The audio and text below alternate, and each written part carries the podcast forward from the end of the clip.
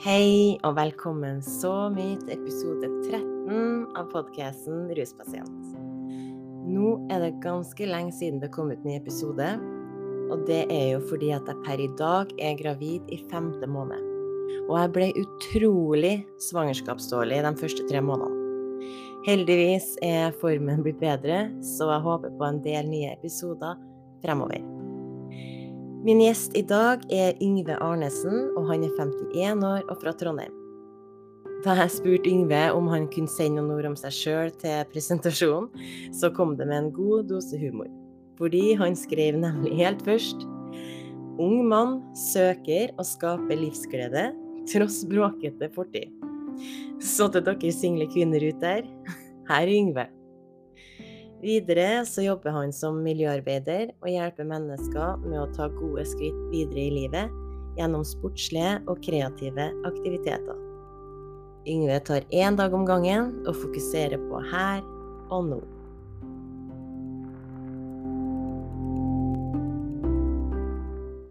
Yngve, velkommen til podkasten. Takk. Hvordan står det til? Det går bra til. Hyggelig å være her. Det er fint. Det er fint. Vi går jo i samme klasse, vi. Mhm. Men eh, jeg har jo sett deg litt på Jeg tror jeg har sett deg litt på Fire før, når jeg har brukt å være der. Jeg mener det. Ikke umulig, det vet ikke jeg. Jeg begynte jo der i 2018.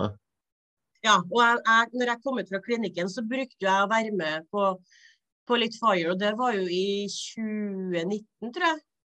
Mhm. Så jeg har vært innom Fire litt da, på sånn fotokurs og sånn, og det syns jeg var kjempe, Ja. kjempebra. Ja, det var litt synd at dere mista hun Ja, det var litt synd at dere mista hun Lena, da. Hun profesjonelle fotografen dere hadde. Yes. Det var hun som Mhm. ga oss en Audun, da. Ja, altså hun, hun ga dere noe fint mot at han for. Definitivt. Er han òg profesjonell uh, fotograf? Ja, på sett og vis sjølutvikla. Han er mer filmdokumentarskaper, han. Oi, men det er jo spennende, det òg. Han har laga en film blant annet som heter Newtopia.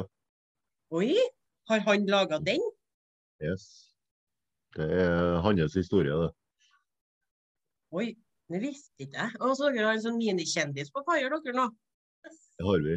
Og så har vi jo en Jørn Adde som uh, Han er jo pensjonist, men uh, han er jo en av dem som gründa uh, Trondheim kreative fagskole. Og såpass, en ja. eh, anerkjent fotograf. Så artig at liksom folk sier ja til stillingene bortpå der. At de liksom Mm. har lyst til å komme inn og hjelpe til. Mm, absolutt. Men vi kan jo snakke litt mer om Fire på slutten, da. Men eh, du har jo eh, en historie, du òg?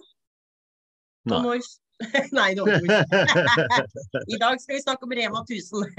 Yes. Men når, når starta ting til deg, da? Nei, hva tenker du på da? Rus, da, eller? Ja, Rus, psykisk helse, altså når starta liksom ting og Når starta livet liksom å gi deg utfordringer? Mm. Det er litt vanskelig å si. Jeg, jeg er oppvokst i en eh, veldig eh, tett, trygg familie. Ja, hvor mange da? Med- eh, med søsken, to søsken. Mm. To foreldre i arbeid. Eh, Begge søsknene mine har gått skolevei. Ja. Eh, Var tidlig inne i idretten og spilte fotball på Rosenborg til jeg var 17. Mm. Eh, Så kom Forsvaret. Ja. Så det var jo egentlig etter at jeg kom hjem fra FN-tjeneste at jeg begynte å sjølmedisinere meg litt på cannabis. ja. Var det noe som hadde skjedd i Forsvaret da, eller? Nei, eh, både og. eh, Det er jo litt vanskelig å definere hva som Mm. er årsakene her, men eh, jeg var jo i Libanon. Og du var det, ja. Og det skjedde jo ikke noe sånn ekstreme ting, men det var jo noe helt annet enn fredfulle Norge. Ja. Det som var litt ekstremt, var å komme hjem. Kjenner du han Jonny som går i byen, som også har vært i Libanon? Nei, for han sliter veldig med det. Så jeg jeg opplevde jo ikke at jeg sleit, men det var jo fordi jeg ikke var bevisst veldig mye Mm. den gangen. Ja. Eh, Samtidig så hvis man må putte en del forskjellige perspektiver inn i, eh, i glasset her, da, for at eh, en sånn litt rotløs, usikker ung mann som ikke vet hva han skal bli når han blir stor, Ja. Som har masse ressurser, men som aldri tar tak i ressursene sine og nyttiggjør seg av dem i utviklinga si. Mm. Eh, Kombinert med det at man begynner å, å røyke cannabis. da. Mm. Og er ikke bevisst at det er en flukt fra noe før det går veldig, veldig mange år. Mm. Så jeg har vært litt sånn av og på i forhold til det å røyke Ja. i veldig mange år. Jeg begynte jo i rundt 92-93. ja. Men hva følte du liksom at hasjen ga deg når, du, når du røyka? Hva var det liksom den hjalp deg med på innsida? Nei, til å begynne med latter. Ja. Eh, Etter hvert så ble det mer ro og kreativitet. Ja. Eh, Adspredelse av tankemønster, kanskje. Jeg vet ikke, det kan jeg si nå, da. Ja. Eh, Fri, et fristed. Ja. Jeg ble veldig kreativ da jeg begynte å skrive og jeg begynte å male når jeg rusa meg. Mm. Men eh, jeg kan ikke sitte i en sofa og gjøre ingenting, jeg måtte alltid gjøre noe. Ja. Så selv om jeg var arbeidsledig, så var jeg veldig aktiv Mm. som menneske. da. Mm. Det jeg ikke så, var jo hva det tok bort, og det var jo eh, helse, for det første. Økonomi. Ja. Ja. Stabilitet i forhold til ja, måltider og sånne ting. Mm. Og et sunt nettverk. Mm. Det forsvant jo som dugg fra sola uten at jeg var klar over det. Mm. Så jeg har liksom vært litt av og på i forskjellige jobber. Eh, Litt sånn skrudd sammen at jeg må trives med det jeg holder på med. og Noen ganger i, i voksen alder sier jeg jobb er jobb, men uh, det har jeg egentlig aldri ment. For noen er nok jobb jobb, uansett hva det er, bare fordi de eh, liker å tjene penger og har et ansvar som de må ivareta. Ja. For meg så må det være trivsel og, og utfordrende og spennende, rett og slett, å, Ja. være på en arbeidsplass. Helt enig. Så klarer ikke jeg å stå i det i, på lang, lang tid. Da. Nei, jeg er helt enig. Så ja. Av og på i veldig mange år. Um, Men i de årene, hadde du det bra? Trodde Ja, du at du hadde det bra? Ja. ja, jeg hadde det bra sånn uh, Ja. Hvis jeg skal se fra det perspektivet og den gangen, så hadde Mm. jeg det jævlig bra. Ja. Men sett med mine øyne i dag, så hadde ikke jeg det bra i hele tatt. Nei. Men det er jo altså litt sånn psykologisk, da, så Og kanskje også litt personlighet. Så forsvarer man det man gjør overfor de uh, kreftene i livet som er viktige for deg. Mm. Man forsvarer for også for å holde huet over vannet og, og selvverdet sitt. Mm. Så jeg var veldig sånn at jeg proklamerte at det her var ikke noe problem, og det var feil, at det var ulovlig. og Ja, ikke sant, ja. definere, altså begynte å uh, veie det opp imot alkohol i vektskåla. Ja. Fulle folk som går rundt og ramler ut i gatene og slåss med hverandre og banker kona si og ungene sine og gjør uh, verden utrygg. Mm. Mens jeg satt på gutterommet og tok meg en blås og malte bilder og Mm. proklamerte fred og frihet.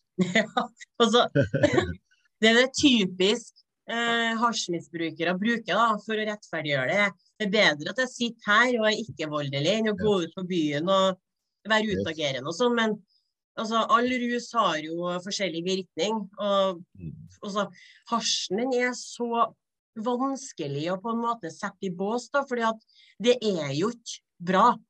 Det er jo følelses... Hva heter jeg, nå glemte ordet. Den er med å avstumpe følelsesspekteret på en måte. da. Ja, det er jo følelsesregulering, og det, det jeg skulle ut Ja. All rus er jo følelsesregulering, så du kan jo ikke på en måte forsvare det. Og så Morfin er jo litt sånn at da sitter du jo mye og sover, mens amfetamin da er du jo oppe og styrer og herjer og hit og dit. Men du kan jo ikke forsvare at det ene er greiere enn det andre uansett. Nei. For det er regulering av følelser uansett hvor mye man prøver å diskutere det. Så det var, hadde jo en sånn liten kamp med systemet en periode hvor jeg, ja. jeg ble definert som rusmisbruker. Mm. Hvor jeg hørte jeg brukte det ordet nå nettopp. da. Og så var min kamp at nei, jeg er ikke rusmisbruker, du må ta, bort, ta bort de tre bokstavene 'mis'. Så jeg er rusbruker, sa jeg. ja. Men i dag ser jeg, ser jeg helt annerledes på det. Ja. Men det var en uh, viktig kamp for meg. Ja, og så har jeg også ja, jeg har også lagt merke til at For jeg har jo røyka hasj sjøl, men jeg har aldri vært sånn forkjemper for det. fordi at til meg så begynte jeg med at det var mye latter og det var artig, men så gikk det over til at jeg fikk så gæren angst av det. da, Fikk noia. jeg. Mm. Så heldigvis så har ikke jeg hatt med meg den så mye i livet. og Jeg liker ikke lukta, og det bare er dårlige assosiasjoner, egentlig. Ja. Men, men jeg merker at alle dem som er glad i den hasjen, når de begynner å røyke den, så skal de liksom ta opp den der hasjkampen da, og forsvare den så gæli. Mm. Jeg var ikke så sånn, veldig aktiv på det heller, men eh, det var overfor de eh, kunne si, kreftene i, i livet som var relevant for meg og mitt velbefinnende. Da, mm, da var det mye Nav egentlig som var, som var kjernen. Og da Mm. selvfølgelig spesifikke sosionomer som jeg hadde mer eller mindre god kontakt med. Da. ja, ikke sant? Så ikke noe ute i media eller noen organisasjoner eller noe som helst hadde prøvd å gå litt stille i dørene. Mm. Men familien din, da, merka de liksom at du, du brukte mye av tida di på det der? Dessverre, ja. Ja. Og hva, hva, og hva sa dem for noe? Nei, altså de fikk jo ikke sagt så mye for at jeg ble Altså man melder seg litt ut. Mm. Uh, man vil jo ikke at folk skal vite, sånn at man er jo ikke åpen om det. Mm. Eller jeg var i hvert fall ikke åpen om det. Nei. Så det kunne jo være eh, Jeg ekskluderte meg sjøl fra familien. På en sånn måte at hvis jeg ble invitert i eh, bursdager eller familietreff og sånne ting, så sa jeg alltid ja til å komme, for å ikke Mm. skuffe. Mm. Og så uteble jeg. For jeg hadde ikke øyne til å, å møte dem. OK. Så sett bort fra sånn type julaften og runddager og noen momenter hvor hasjen ikke var veldig aktiv i livet mitt, så, så ekskluderte jeg meg sjøl fra familien. Mm. Men med en gang jeg var på nett igjen, da, for å kalle det, så Mm. var jeg inne i, i, i familien. da. Så veien inn har aldri vært lang. Eh, Jeg har ei mor, eller hadde, da, Ja. eh, som alltid var veldig glad for å treffe meg og se meg og, og, og gi meg litt mat. ja, så det var ikke noe sånn at så lenge du lever på den måten der, så får du ikke komme hjem? Nei. Nei. Det var jo Mamma og pappa de visste jo per definisjon ikke hva jeg holdt på med. De Nei. mistenkte nok at det var noe, men uh, det ble aldri kommunisert. Nei. Og hva Så- tenker du om så- det i dag, da? Var det, eh, var det greit, eller burde de ha gjort det? Nei, eh, sett fra deres side så hadde ikke de noe valg. Det, det var helt og holdent opp til meg. Så de er fra en, var fra en gammel generasjon, så de kjente ikke eh, begrepet narkomani eh, slik vår generasjon gjør. Mm. Eh, så ja. Eh, de kunne ikke gjøre annet enn det de har gjort. Nei. Søsknene mine likedan. Broren min han eh, har nå en historie sjøl, men den var veldig kort når han vokste opp. Eh, Så han vet jo, vet jo hva jeg har holdt på med og sånn, og har jo prøvd å kommentere til meg noen ganger når vi har møttes, at ta deg sjøl i nakken og, og lev. Eh, Ja. Men uh, uten at det var noe spesiell effekt i det. Mm. Eh, Hvor mange år pågikk dere der, sa du? Eller liksom du var, Eh, var du 18 jeg når du kom hjem? Nei, du var 18 når du for til Libanon? var er du? født i 1971, altså uh, Jeg kom hjem i 1992. Ja. Så hvis du er god i hoderegning, så tar du den der. Nei, det er ikke jeg, Yngve. Jeg var 21 da jeg kom hjem. Hvor lenge hadde du vært borte? Er ni måneder. Ok. Ja. Men lik, likte du det? Og så likte du de utfordringene, og, og, og så likte du å være i Forsvaret? Ja. Helt klart. Er det noen grunn til at, eh, at du ikke fortsatte på den veien når du kom hjem? Ja, litt sånn historie det også. Um, når jeg kom hjem i 92, så ja, gikk det nå en tre, fire, fem år hvor jeg både jobba og ikke. Ja. Eh, bare så vidt flørta med cannabisen i perioder. Var litt mer sånn festrelatert. Så pga. litt omstendigheter i 1996 så trengte jeg ny bolig. Og I Mm. påvente av det så var det en på Ungbo som det het, som hadde en kontakt oppe i Lian, som hadde en Mm. hytte. Som han tenkte kanskje kunne passe for meg.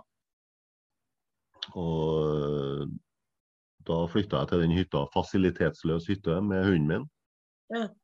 Og det var jo spennende i for seg, det. Uh, I løpet av den tida oppe på hytta der, så fikk jeg litt avstand fra byen og livet mitt, og liksom fikk tenkt litt da, hva skal jeg gjøre. Mm. Og da var en av tingene som slo meg at jeg søker en eh, ny eh, runde i FN. Ja. Og leverer søknad om det. Eh, aner fred og ingen fare, da. Får eh, inntakspapirer i posten med godkjent stempel. Mm. Med avreisedato og, og sånne ting. Eh, dagen etter får jeg en telefon fra en major i Forsvaret. En meget streng og autoritær mann som sa eh, 'dokument for falsk'. Hæ? Og da liksom her, Hva er det du snakker om, sier jeg. Nei, eh, Da viste det seg at jeg hadde jo svart nei på spørsmålet om jeg hadde vært i kontakt med politiet. Eh, Det riktige var jo at jeg skulle svare ja, fordi jeg hadde vært på en razzia hvor eh, det hadde blitt tatt personlig med 0,5 gram hasj på innerlomma. Og det var registrert, Jeg fikk jo ikke noe bot eller noe dom, eller noe Uff. sånt i forhold til det, men det var registrert i systemet. Uff, uff, uff, uff, uff.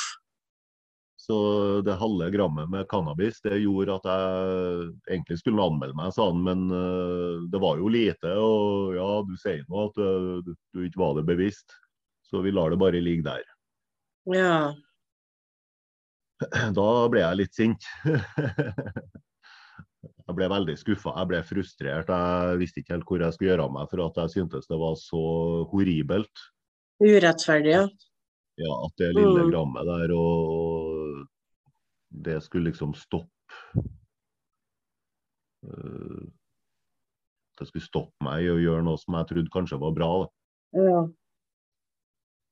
Eh, og da på en måte da, altså, Ett år senere så passifiserte jeg meg. Eh, da hadde jeg flytta ned til byen, til Lamoen. Mm. Passifiserte meg, og så meldte jeg meg på statskirka som to grep som jeg gjorde for å si eh, fuck you til staten, til Ja. systemet. For da sa han i telefonsamtalen til deg at du ikke fikk noe mer, da. Du fikk ikke hver sette Ja. fot innenfor militæret noe mer. Jeg kunne komme på rep-øvelser og sånn i, i norsk sammenheng, som man blir kalt inn på, men jeg fikk ikke dra til FN. Um, når jeg, jeg passifiserte meg, og så måtte jeg jo i retten. Mm. Eh, På tross av å hadde vært både i norske forsvaret, i FN og på rep-øvelser. Jeg hadde vel igjen én eller to økter i Forsvaret, så var jeg på en måte ferdig med det her pliktgreiene. Ja. Eh, Men allikevel måtte jeg i retten, da. Fordi det, det er jo lovstridig å passifisere seg. Man skal jo da dømmes til enten eh, siviltjeneste eller fengsel. Ja. Eh, Jeg totalnekta jo, så det innebærer jo at hvis de skulle dømme meg til noe, så var jo det fengsel. Ja. Så når jeg satt i retten der, så syntes jo dem og det var ganske ekstremt at jeg som hadde vært og gjort det jeg har gjort, skulle dømmes til å sitte i fengsel for at jeg nå ville være pasifist. da. Ja. Og så var jeg liksom Aktor sier at 'jeg forstår deg ikke', sier han. Nei, det gjør ikke jeg ellers, sier jeg. Eh, Men vi kan forklare det ganske enkelt ved at jeg, jeg vil forsvare oss hvis vi blir angrepet. Eh, Men jeg vil ikke angripe seg. Og han hadde en viss forståelse for det.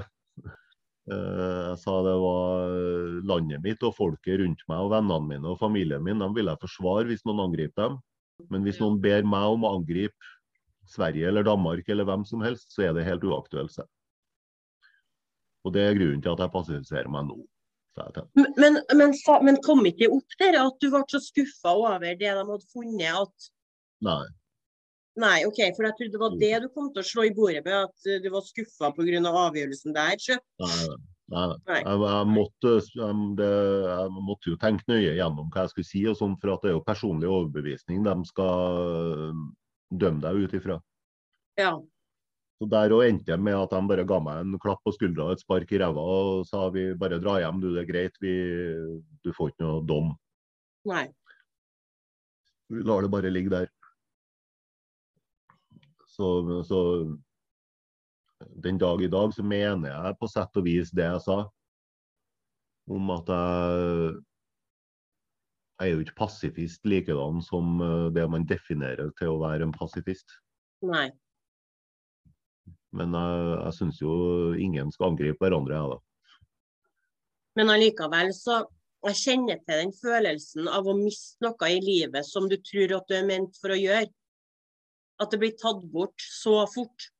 Ja, en mulighet i hvert fall. Mm. Um, Det er ganske vondt. Det, det er en veldig vond følelse. Det er jo en veldig dyr pris å betale for et valg man gjør, en handling man gjør hvor man ikke er klar over konsekvensene. Mm. Som et ungt menneske, da. Som er Mm. litt uh, urolig og litt usikker på seg sjøl og Mm. ikke helt vet hvor han skal gjøre av seg i verden. Mm. Som der har du på en måte det som er litt rigid og, og kanskje litt uheldig med både lovverk og straffesystemer Mm. når det gjelder rusbruk. Det er klart Hvis at man tar bort den lille biten man var borti, og den, eh, hvis man eliminerer det, da, så kunne jo veien og livet sett helt annerledes ut. Ja, for det var det jeg tenkte jeg skulle spørre deg om. Hvor tror du liksom du har stått Hvordan hadde livet ditt vært hvis at det der aldri hadde skjedd, liksom, og du hadde dratt til FN igjen? Kunne ha blitt eh, begge veier, så det er jo igjen veldig vanskelig Mm. å si. Det, jeg kunne ha blitt eh, psykisk skadd for livet, eller jeg kunne ha vært sekretæren til en Stoltenberg i Nato. Ja, sant. sånn, Stor kontrast. Ja, veldig stor kontrast. Det er jo bare for å billedgjøre at det, det kan jo gå alle veier. Ja, Eh, men det, det, det jeg òg har følt så mange ganger, at hadde jeg liksom fått en ny sjanse, så hadde jeg søkt Politihøgskolen eller i militæret. mm. Men øh, Og det Jeg er har fått en ny sjanse, så har jeg spilt fotball. Ja. Og det er så rart å tenke på at når vi trår over den grensa her, så er det Mm. ting i livet som vi aldri kan få. Yep. Det er sånn, Vi har bare ett liv, men de sjansene der er, er, er spilt. Altså, de er bort for alltid. Og det er ganske drastisk, det. At, at en mulighet forsvinner for alltid, liksom. Det er litt ekstremt. da. Hvis at en ser ting i, i andre perspektiv, så kan du være eh, lovbryter på forskjellige områder, også rusområdet, og bli eh, finansminister, utenriksminister, eh, krimminister, eller hva faen det heter for noe. Mm, Men ikke politi. mm. Du kan være sjefen til politiet, men du kan ikke være politi. det er merkelig. Det er merkelig. Ja. Og der syns jeg jo at uh, politikeren og grasrota har en jobb å gjøre i forhold til hvordan man uh, altså, Det er noe som heter seg at når du er, har dømt når du har sona straffen din, så er du et fritt menneske og skal inkluderes i samfunnet på lik linje med andre. Unntatt der og der, sier de, ikke sant? ja. Men det unntatt der og der, den vil jeg egentlig ha bort. Eh, Nå som vi utdanner oss som erfaringskonsulenter, så er det jo for oss en inngangsbillett til å jobbe med mennesker som har utfordringer, i samarbeid eh, tverrfaglig med psykologer, vernepleiere etc. etc. Mm, Hvorfor ikke i politiet? mm, Hvorfor ikke i kriminalomsorgen? mm. Eh, Det er jo det området som eh, jobber nærmest med de menneskene vi møter i behandlingsapparatet. Mm. Jeg er helt enig. Og ikke minst, hvorfor skal ikke mennesker som har trampa litt skjevt, eh, gjort opp for seg, vise at de går en god vei? Mm. få bli gitt den tilliten av fellesskapet og samfunnet til å Mm. søke målene sine og drømmene sine. Helt på lik linje med andre, med blanke ark, med andre ord. Mm. Ja, for jeg tror jo at det er mange som har tråkka litt skeivt, som har hatt Som kunne ha gitt mye til Norge da, med å være i militæret. Både med at de har trengt rammene der, og er flinke, da. Ja. Hvert fall de som har eh, ekstrem eh, høy ADHD. De har jo en, en utholdenhet som, som ikke ligner Mm. grisen. Altså, de kan jo holde ut så lenge i, i fysisk aktivitet at det er helt sykt. Ja. Pluss at de fungerer veldig godt under ramma. Så jeg syns det er veldig Der har uh, politikken og grasrotbevegelsene har jo en jobb å gjøre der. Vi har på en måte også en jobb å gjøre der, da. Ja. Men hva skjedde etter, eh, etter den uh, hytteperioden din, da? Nei, da bodde jeg i byen, begynte å jobbe. Jeg jobba på Petterson Ranheim, jeg jobba som selger i Oslo. Uh, jobba i Trondheim kommune som miljøarbeider. Uh, Følte at du fomla litt i mørket etter du, du mista den Ja. FN? ja, Så altså, jeg, jeg fomla jo, fomla jo allerede før det, så Ja, ikke sant? Uh, jeg fortsatte bare å fomle, egentlig. Jeg hadde veldig korte økter som arbeider, da. Uh, jobba et halvår, år. Og så var Ja. det på, var det på A-trygd. Ja. Var jo før Nav. Het Nav. ja. Eh, veldig av og på. Så har en del lange, lange opphold i, i de tusen hjem, tenkte jeg å si, i stua mi. Ja. da. Mm. Eh, periodevis en del festing. Eh, periodevis litt for mye røyking. Har jo opplevd å være så usynlig i bruken av cannabis at jeg jobba med sosionomer som uh, hjalp folk Mm. mens jeg sjøl røyka. Uten at de overhodet var klar over det. Ja, det er jo den dobbeltliv-greia Ja. som vi alle sammen har vært gjennom, høres det ut som. Så for meg så Ja, det gikk jo ganske mange år. Um, I 2000 og Ja, når var det da? 2010, tror jeg. Cirka. Eh, Da begynte jeg å bli litt lei av gjentagelser og gjentagelser, men jeg er en litt spontan fyr, så jeg tenkte nå skal jeg prøve noe nytt, så jeg flytta til Fosen. Jeg Begynte å jobbe med, sammen med ei venninne utpå der med å eh, prosjektere noe på eh, Hysnes helsefort. Eh, Når det var under utvikling. Så vi tenkte vi skulle eh, lage et verksted da, hvor pasientene på fortet skulle kunne eh, teste litt forskjellige kreative aktiviteter. da. Ja. Tegning, maling, trevirke, alt mulig. Eh, Jeg begynte samtidig, mens jeg holdt på med det, å jobbe på Rissa hotell for å tjene litt penger. Mm. Og trivdes noe sånn i og for seg litt, men samtidig, det var ikke Trondheim, og jeg hadde ikke noe spesielt nettverk utpå her, så jeg kjente jo dragninga til byen. Den eh, begynte å dukke opp etter et års tid. Ja. Så det endte opp med at jeg slapp alt jeg hadde i hendene og for tilbake til byen igjen. Ja. Uh, I og med at jeg var i såpass god driv, da, så tok jeg kontakt med noen uh, jeg hadde jobba sammen med i uh, noe som het Arbeid og kompetanse Ja. Eh, gjennom Nav-systemet. Og så fikk jeg en eh, ja, type stønad som var litt høyere enn sosialstønad. Mm. Eh, Så begynte jeg i praksis der, da. Og så laga vi en prosjektsøknad til Nav og til rådmannens fagstab om midler for oss å sette i gang et prosjekt på Lamoen. Mm. Samhandlingsprosjekt mellom Nav, kommunen, Lademoen menighet og, eh, og meg, da. Ja. Som vi fikk eh, ja på. Oi.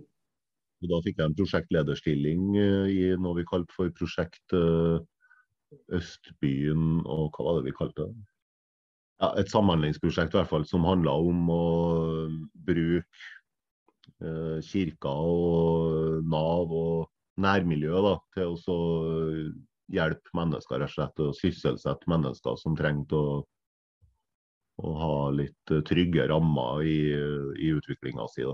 Ja, for du har alltid kommet tilbake til den at du vil hjelpe men andre mennesker?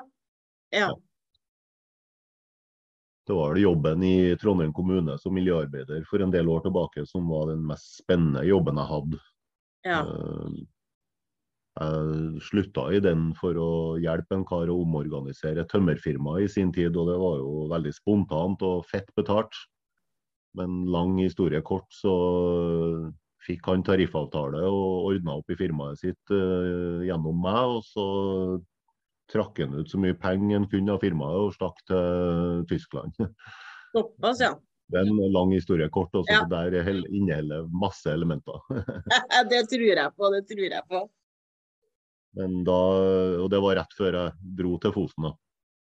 At alt det der skjedde. Men tilbake i Trondheim så har jeg nå prosjektmidler i ett år, da. Mm. Jeg er prosjektleder, tjener greit med penger, har fått meg en ålreit bolig. Mm. Ting føltes ut som det var på plass, liksom. Var litt på plass, jeg Ja. smugrøyka litt ennå, da. Oh, ja, ja. Eh, Så i 2012 da fikk vi ikke noe mer midler. Det er jo litt sånn typisk uh, småpiss, da. Det er noen ja. følelsesmessige reaksjoner man har. Så jeg sa Mm. til dem uh, rundt meg, også sosionomene og Nav, at uh, ikke kontakt meg. Bare send meg de pengene jeg har krav på. Ikke ta kontakt med meg. Nå skal jeg dra hjem og så skal jeg male og så skal jeg finne ut hva jeg skal stå i resten av livet. Ja. Ja, det var greit.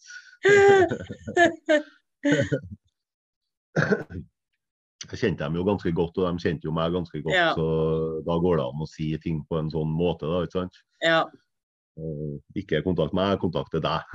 ja. uh, Jeg dro jo hjem og gjorde det jeg sa, jeg skulle begynne å male. Men når vi begynner å nærme oss eh, halve 2012, da møter jeg ei dame. Får litt sommerfugler i magen og drar på date.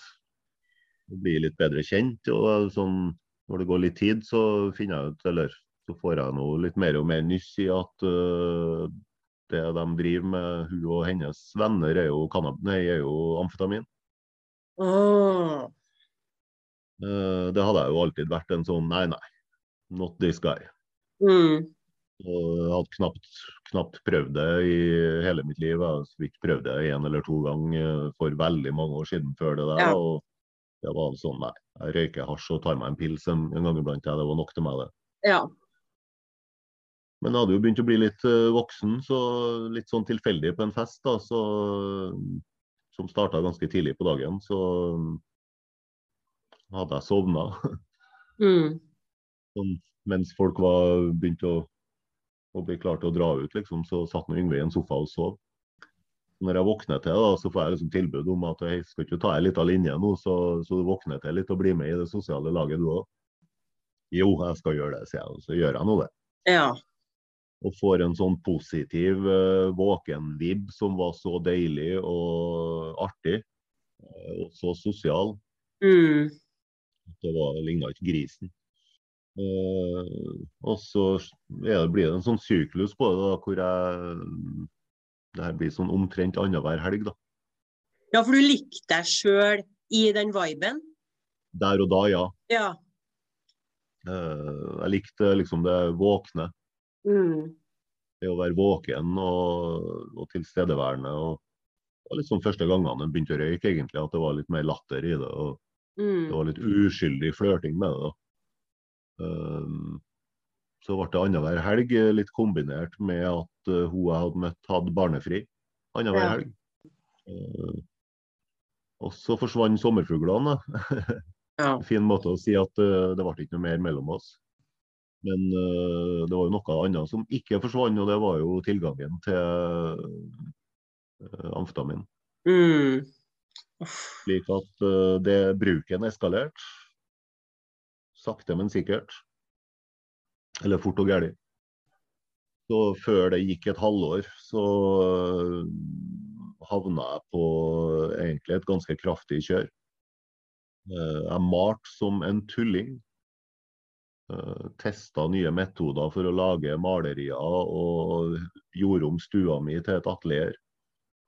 Jeg var jo innpå litt tidlig i podkasten at jeg, når jeg røyka, så ble det litt dårligere helse og litt uh, lite mat og en del sånne ting. Ja. Det ble ekstremt når jeg havna på det der uten at jeg var det bevisst. Mista meg sjøl så mye som det går an å miste seg sjøl. ja, for det ble ikke annenhver helg lenger. Det ble ikke det. Nei. Da var det sånn at annenhver helg var en pause. Ja, sant. Å ja, det ble såpass, ja. Ja, det ble helt ekstremt. Uff, uff. Så øh, jeg kjørte på. Øh, Hadde en tre-fire dager med action, og så var det blackout i senga. Og ny tre-fire dager med action og blackout. Ja. Sånn gikk det i bølger. da. Men reagerte familie da, da? Nei, jeg hadde ikke mye kontakt i den Nei. tida, så de uh, visste ikke noe fra eller til. Nei. Veldig god til å gjemme, gjemme meg, da. vet du. Så øh, de som kjente meg godt, de begynte jo å ringe med alarmbjeller av venner i nettverket mitt. Mm. Men som bruker, og spesielt av et sånt middel, så er man verdensmester. Jeg tåler det. Shut the fuck up, ikke kom her og lær meg noe. Mm. Havner litt på den. Veldig stort ego. Egoistisk stort ego. Mm. Så jeg dømte jo alle rundt meg. Hvor tror du det der kommer fra? At du fikk så stort ego og dømt, altså at du så feilene på andre, men ikke i deg sjøl? Vanskelig å si. Jeg tror veldig mange var enig med meg i feilene på ikke andre, men på samfunnsperspektivet i det jeg kommuniserte. Ja. Eh, Med alkohol og vold og Mm. kriminalitet og sånne ting. Helt til det gikk eh, en viss tid, så ble det kriminalitet på meg òg. Mm. Jeg gikk jo fra å stå på stua mi og male og ha besøk av folk, og så kommuniserer jeg at eh, herregud, se på dem som springer rundt med hettegenser og ryggsekk på ryggen og sniker seg rundt i bakgårda og stjeler sykler. Så flirer jeg, da. Jeg står nå her og maler og prater. Og så går det et halvår, og så er jeg ute i bakgårda og stjeler sykler. Ja, ikke sant? Det raser fort også. Det raser så fort. Ja. Og så Man må jo finansiere det her driten. Mm. Men ja, når jeg er god på dem som uh, sitter og er bakmenn, så er det jo å uh, gi deg gratis, tenkte jeg å si. Krite. Stol på det. Mat deg med midler, bruk deg som eh, kurer, etc. Mm. Så eh, jeg ramla litt ut i det kriminale sida av eh, rusmiljøet i Trondheim. Noe som, eh, uten at jeg var klar over det der og da, men det skremte vettet av meg. Ja. Uh, og så ble det en liten periode hvor jeg tok meg i nakken. og Faren min gikk bort i 2013, eh, 1. april. Eh, han var jo en humoristisk fyr, så det var jo en riktig dato å gjøre det på. ja, sant. Men da, da liksom eh, Da måtte jeg jo treffe familien og dra i begravelse og sånne ting, så da passa jeg på å nøktre, da. Sånn at jeg kunne se mamma i øynene og presten og stille opp i kirka uten å være for bleik, da. Mm. Eh, og så gjorde jeg nå det. Eh, det som samtidig skjedde, var at eh, når, etter at pappa gikk bort, så betalte jeg bare halve husleia mi hver måned. Mm. Sånn at jeg havna på et kraftig etterskudd. Mm. Resten av 2013 var liksom Det gikk på å ta dag for dag og prioritere meg sjøl med midler som, jeg, som egentlig ikke var mine. Det husverten sine. Og han merka jo ikke noe, så jeg fortsatte jo bare. Betale halve husleia. Og så ved overgangen til 2014 så får jeg tilbud om å være sjåfør på et oppdrag til Nederland. Oi, oi, oi. Du, du vikla deg såpass inn, du, ja. Ja, det var til noen som jeg kjente fra Ja. før, da. Ja. Som var utafor det her, uh, utenfor det her uh, amfetaminmiljøet. ja. Men jeg trengte penger. Så jeg skulle få en uh, bra dose med penger. Så jeg kunne, og da hadde jo husverten kommet på banen og begynt å ta meg i øret og si hei, du må gjøre opp for deg. ikke sant? Eh, så gikk jeg jo tom for midler fra Nav samtidig, da. Eh, dagpengene gikk, gikk ut, så jeg måtte jo begynne å søke om sosialstønad. Så putte alt i ett, da, så sa jeg nå ja til å være sjåfør. For nå hadde jeg jo blitt såpass nøktern fra avstanden fra rus at jeg kunne kjøre bil igjen.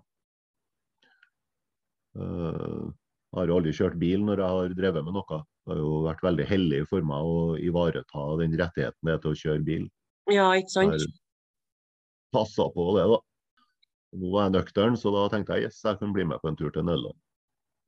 Men var det da at dere skulle hente noe der, da, eller skulle dere bringe noe? Vi skulle hente noe, ja. Ja. Eh, Vi skulle hente cannabis. Hvor mye visste jeg ikke, men jeg skulle være Jeg kjørte en sånn handikapbuss, og så hadde vi en følgebil, da. Så når vi kommer nedi der, så leverer vi fra oss den bilen jeg kjører, og så får vi å cruise rundt i Nederland i noen døgn. Mens det liksom skal opereres inn i, i den bilen jeg kjører, da. Ja. Uh, etter at det har gått tre døgn, tror jeg, så sier jeg til de her guttene at du, nå begynner jeg å bli lei, jeg vil tilbake til Trondheim, jeg har bursdag. og som, Hva skjer, liksom? Mm. Uh, nei, vi må vente litt til. Det har gått fem døgn, så sier jeg fuck this shit, kjør meg til Schiphol og sett meg på et fly, nå gidder ikke jeg noe mer. Mm. Gidder ikke å vente noe mer. Så jeg sier de at nei, alt har skåret seg, vi skal bare hente bilen og dra hjem. OK. Ja da. Drittlei. Bodd i, bodd i en bil sammen med to menn i Uff. fem døgn. Det stinker av oss. Ja. Oi, oi, oi. Eh, Så jeg setter meg bak rattet på denne bilen og bare peiser av gårde. Jeg kjører så jævlig fort at eh, hvis jeg, hvis jeg hadde radarkontroll, så hadde lappen fucket. Uff. Eh, Jeg trodde jo bilen var tom. Så det handla jo bare om å dra hjem. Ja. Jeg kjører til Oslo, og da har jeg på en måte, nå har jeg kjørt til Norge, nå kjører vi til Gardermoen, og så får jeg ta et fly opp, for at uh, nå vil jeg, vil jeg hjem kjappest mulig. Ja. Liksom. Ja, det var greit. Da kjører vi til Gardermoen. Så jeg kommer hjem med flyet. Det var veldig flaut å ta det flyet, da, for at det stinka av meg. og Jeg satt Mm. liksom sånn Krøpa meg en dame og lata og bare kikka ned da, for at jeg skulle slippe å uh, Ja. det var meget spesielt. Jeg kommer hjem, så ja, I løpet av tida her så har jeg møtt en ny dame. og så Hun sitter og venter på meg, så vi sitter nå og bare koser sammen. vi, og Aner Mm. fred og ingen fare. Der det plutselig kommer eh, fem-seks uh, uniformkledde mennesker inn gjennom døra mi. Å, herregud. Hei, du skal være med oss.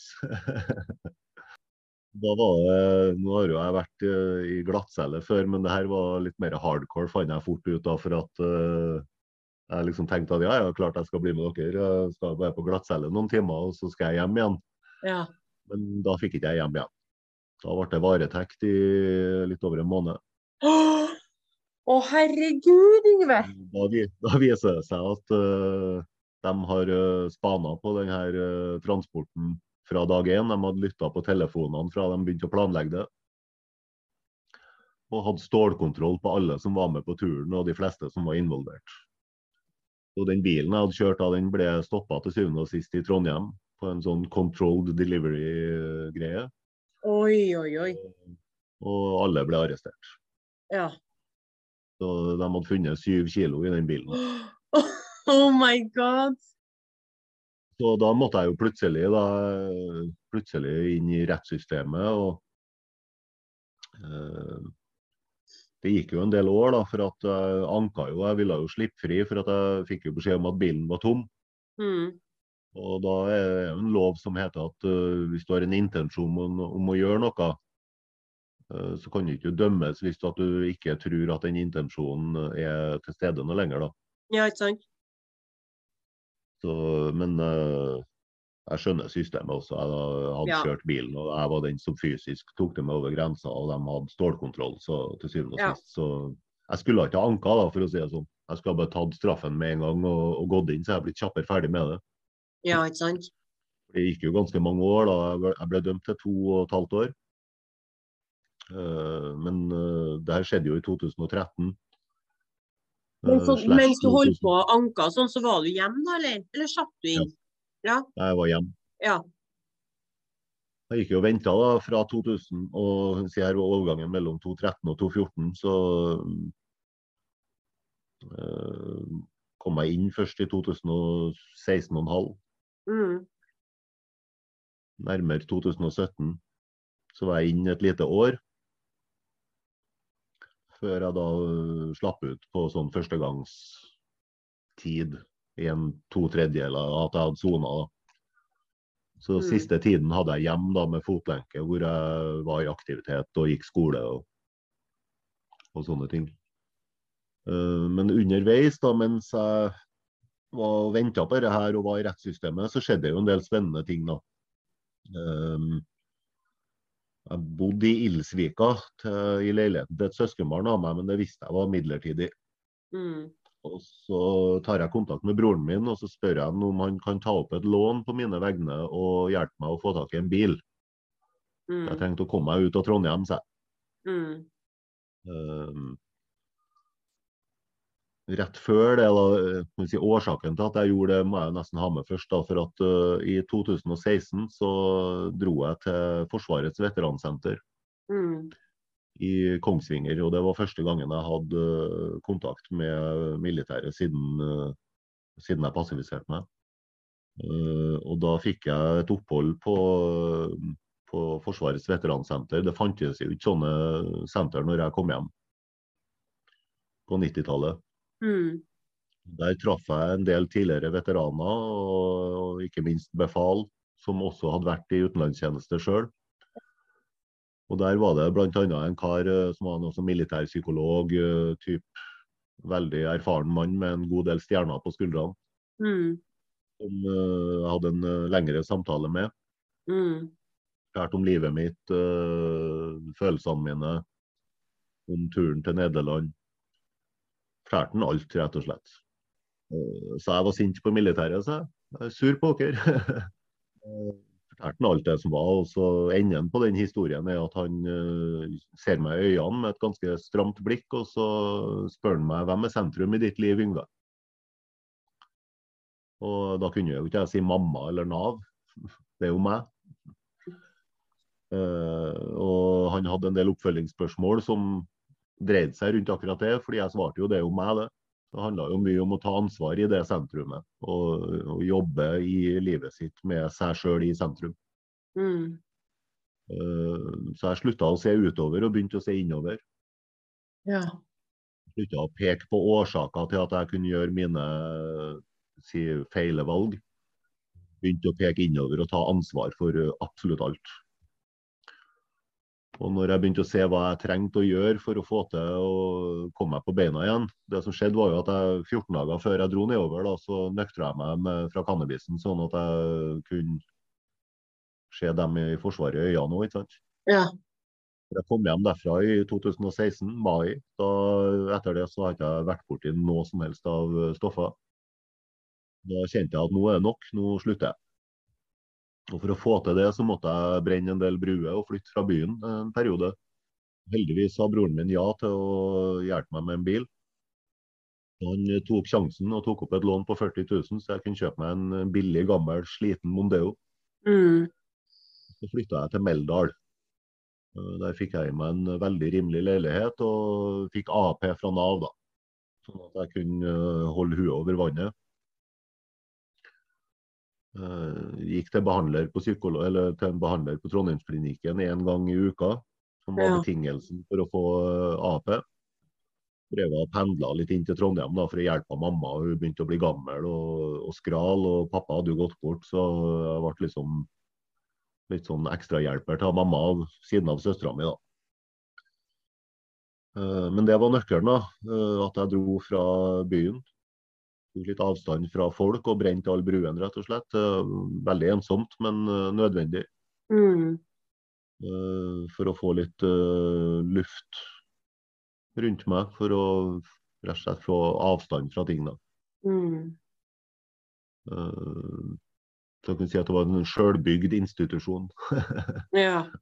Laga en institusjon rundt meg sjøl. Jeg har aldri bedt om hjelp til noe type klinikker eller noe sånt eh, for innleggelse og hjelp mot rus. Jeg har alltid gjort ting sjøl, da. Ja. Denne gangen greide jeg det. Når jeg, jeg bodde der et lite år, og så når jeg flytta tilbake til Trondheim, så fikk jeg kommunal bolig. Eh, Med jeg, jeg ba om å få en på vestsida i byen, altså bort fra Lamoen. Eh, Fordi der kjenner jeg altfor mye folk. Sånn at eh, da fikk jeg en bolig på Stavset, da.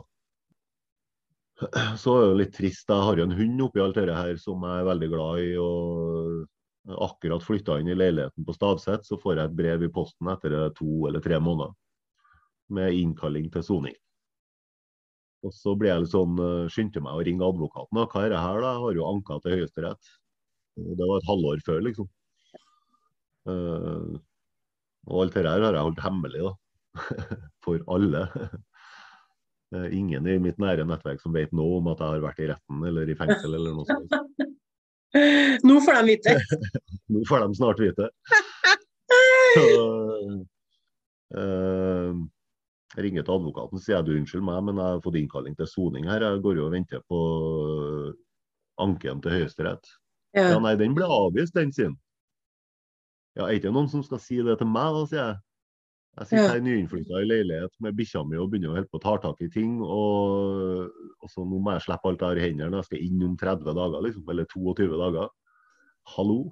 Dere må jo kommunisere til han som er i sentrum her, da. ja. Og da, da fikk jeg meg en kraftig smell, rett og slett. Ja, Det skjønner jeg. Målet mitt var jo å komme til Høyesterett og få frikjennelse fortsatt, ikke sant. Ja. Liksom, eh, man lever jo i den bobla. Men nå var, kom virkeligheten og henta meg inn. Og uh, fikk hjelp av broren min. da. Nå måtte jeg jo legge alle kortene på bordet til søstera mi og broren min, og litt forsiktig til mora mi. Ja. Og så fikk jeg hjelp av broren min til å fremleie leiligheten. Jeg fikk heldigvis uh, tommel opp fra Trondheim kommune til å gjøre det. Å ja. Den ble heldigvis sikra. Mens bikkja den eh, sleit jeg med å finne noen til å ta over. Så han endte opp i omplassering til Charlottes omplassering. Og jeg hadde jo et ønske om at jeg skulle få han tilbake når jeg kom ut. Men de har jo sånne regler på at du må fraskrive deg eierskapet, og så skulle de gjøre sitt beste for å, for å finne noen som kunne ha den midlertidig. da. Men jeg visste egentlig at øh, for han var så fin, han hunden der, at øh, de som ville ha den midlertidig, de ville ikke ha den midlertidig etter at de hadde den ei uke. Så han lever øh, i et godt hjem i dag, da. Ja. Jeg fikk den ikke tilbake når jeg kom ut. Jeg har truffet den én gang. Jeg har truffet eier en gang, og det var veldig ålreit. da. Så jeg vet at han har det bra. Ja. Og så er det deilig å være fri for å ha hund òg. ja, det er jo det. Det er mye ansvar. Men uh, soninga òg var veldig fin. Det var der jeg fikk høre om den plassen jeg jobber nå. og Den brukte jeg jo aktivt som medlem når jeg kom ut. Jeg begynte å gå skole når jeg var inne på for jeg gidda ikke å jobbe på snekkerverksted eller kjøkken, og sånt, så da begynte jeg å ta videregående, som jeg aldri har tatt. Hvor, hvor, hvor lenge måtte du sone? Eh, dommen var på to år og seks måneder, men jeg var inn i fysisk i ett år og tre måneder, tror jeg. OK. Ja. cirka, og så hadde jeg, hadde jeg siste fire månedene hjemme. Da. Så um, jeg slutta jo å ruse meg i 2016, sånn at uh, når jeg kom inn, så møtte jeg jo en del folk som rusa seg. Mm. Og det ble mye tilbud og sånn inn der, da. Ja. Men der var jeg veldig tydelig på at nei. Da ble jeg overført til en avdeling der som uh, har mye mer fokus på aktivitet og, og behandling. Slik at jeg fikk en veldig fin uh, soning tross høye murer. da.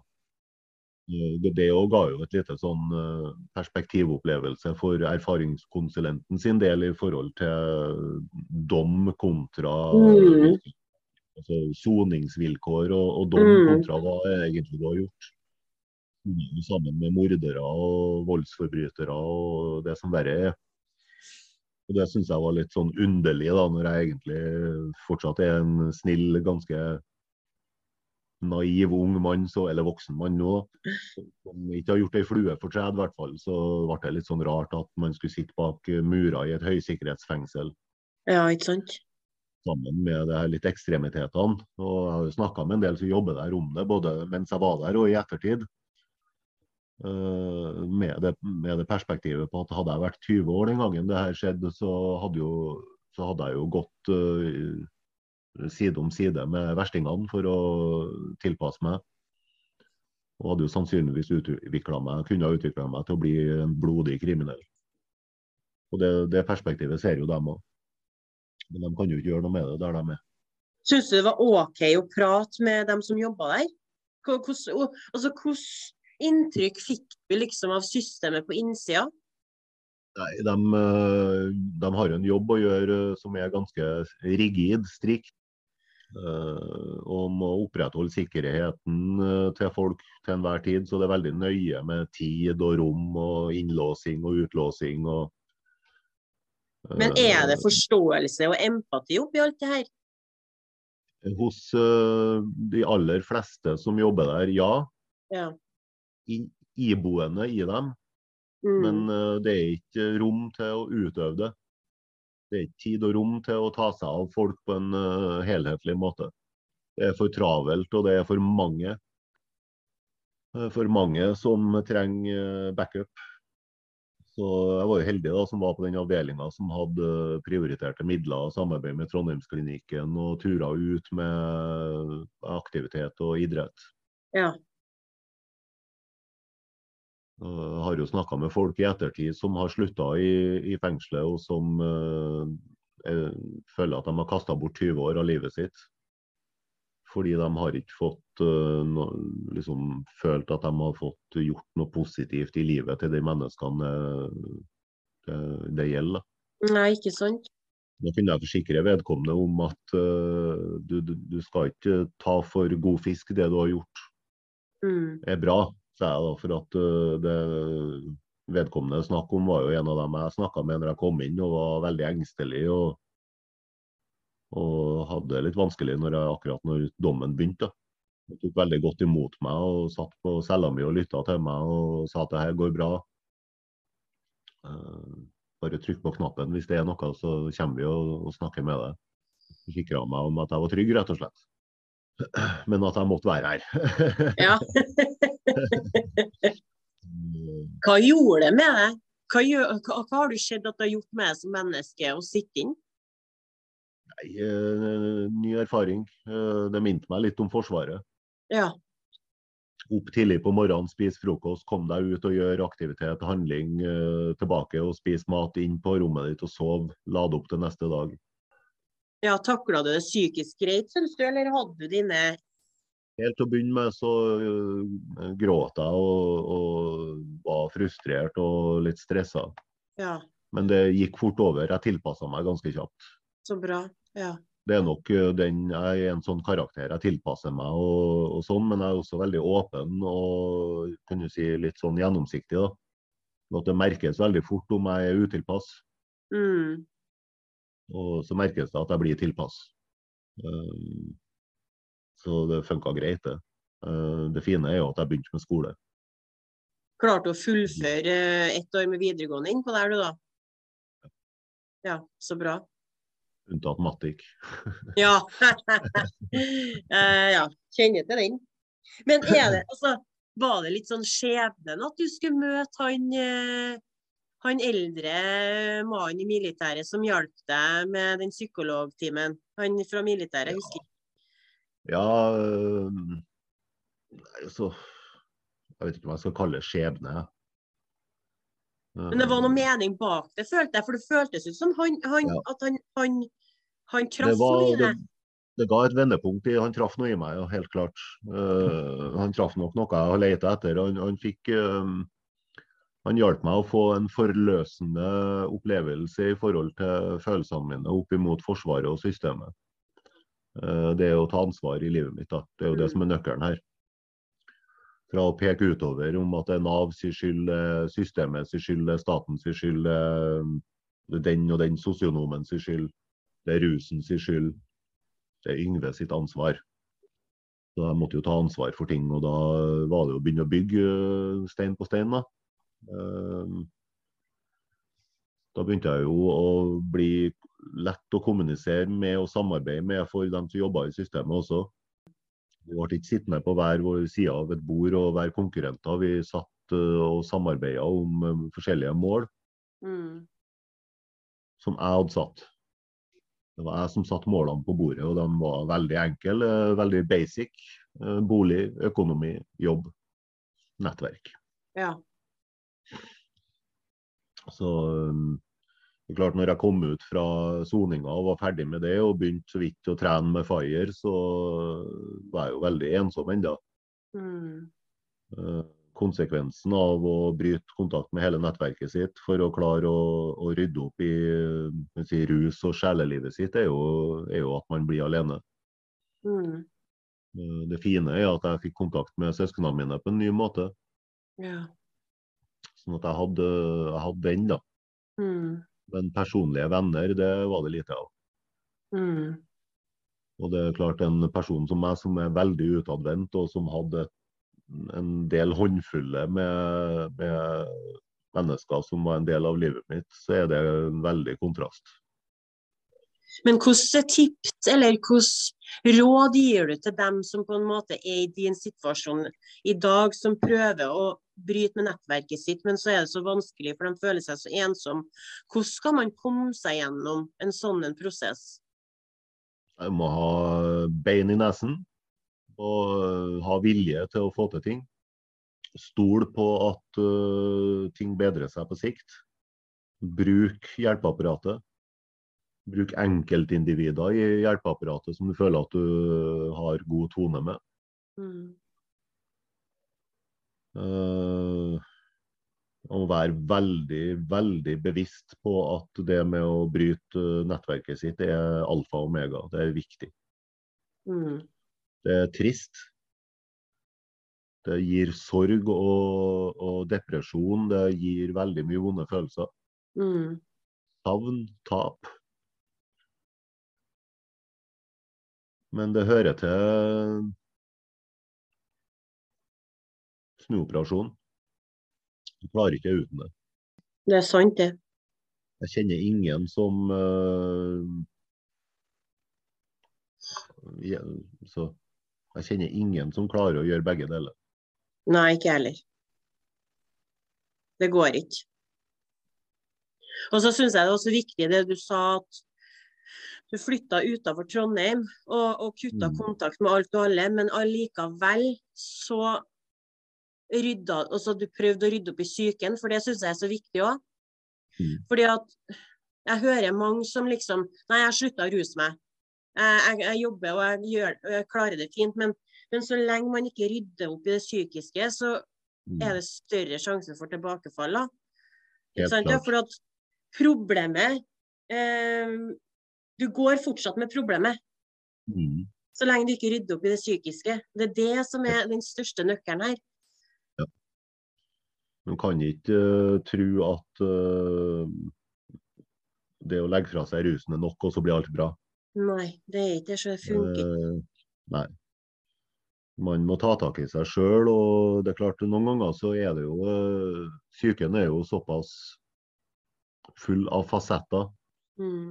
at det er veldig vanskelig å sette fingeren på hva er det egentlig som gjør at jeg har det vanskelig. Mm.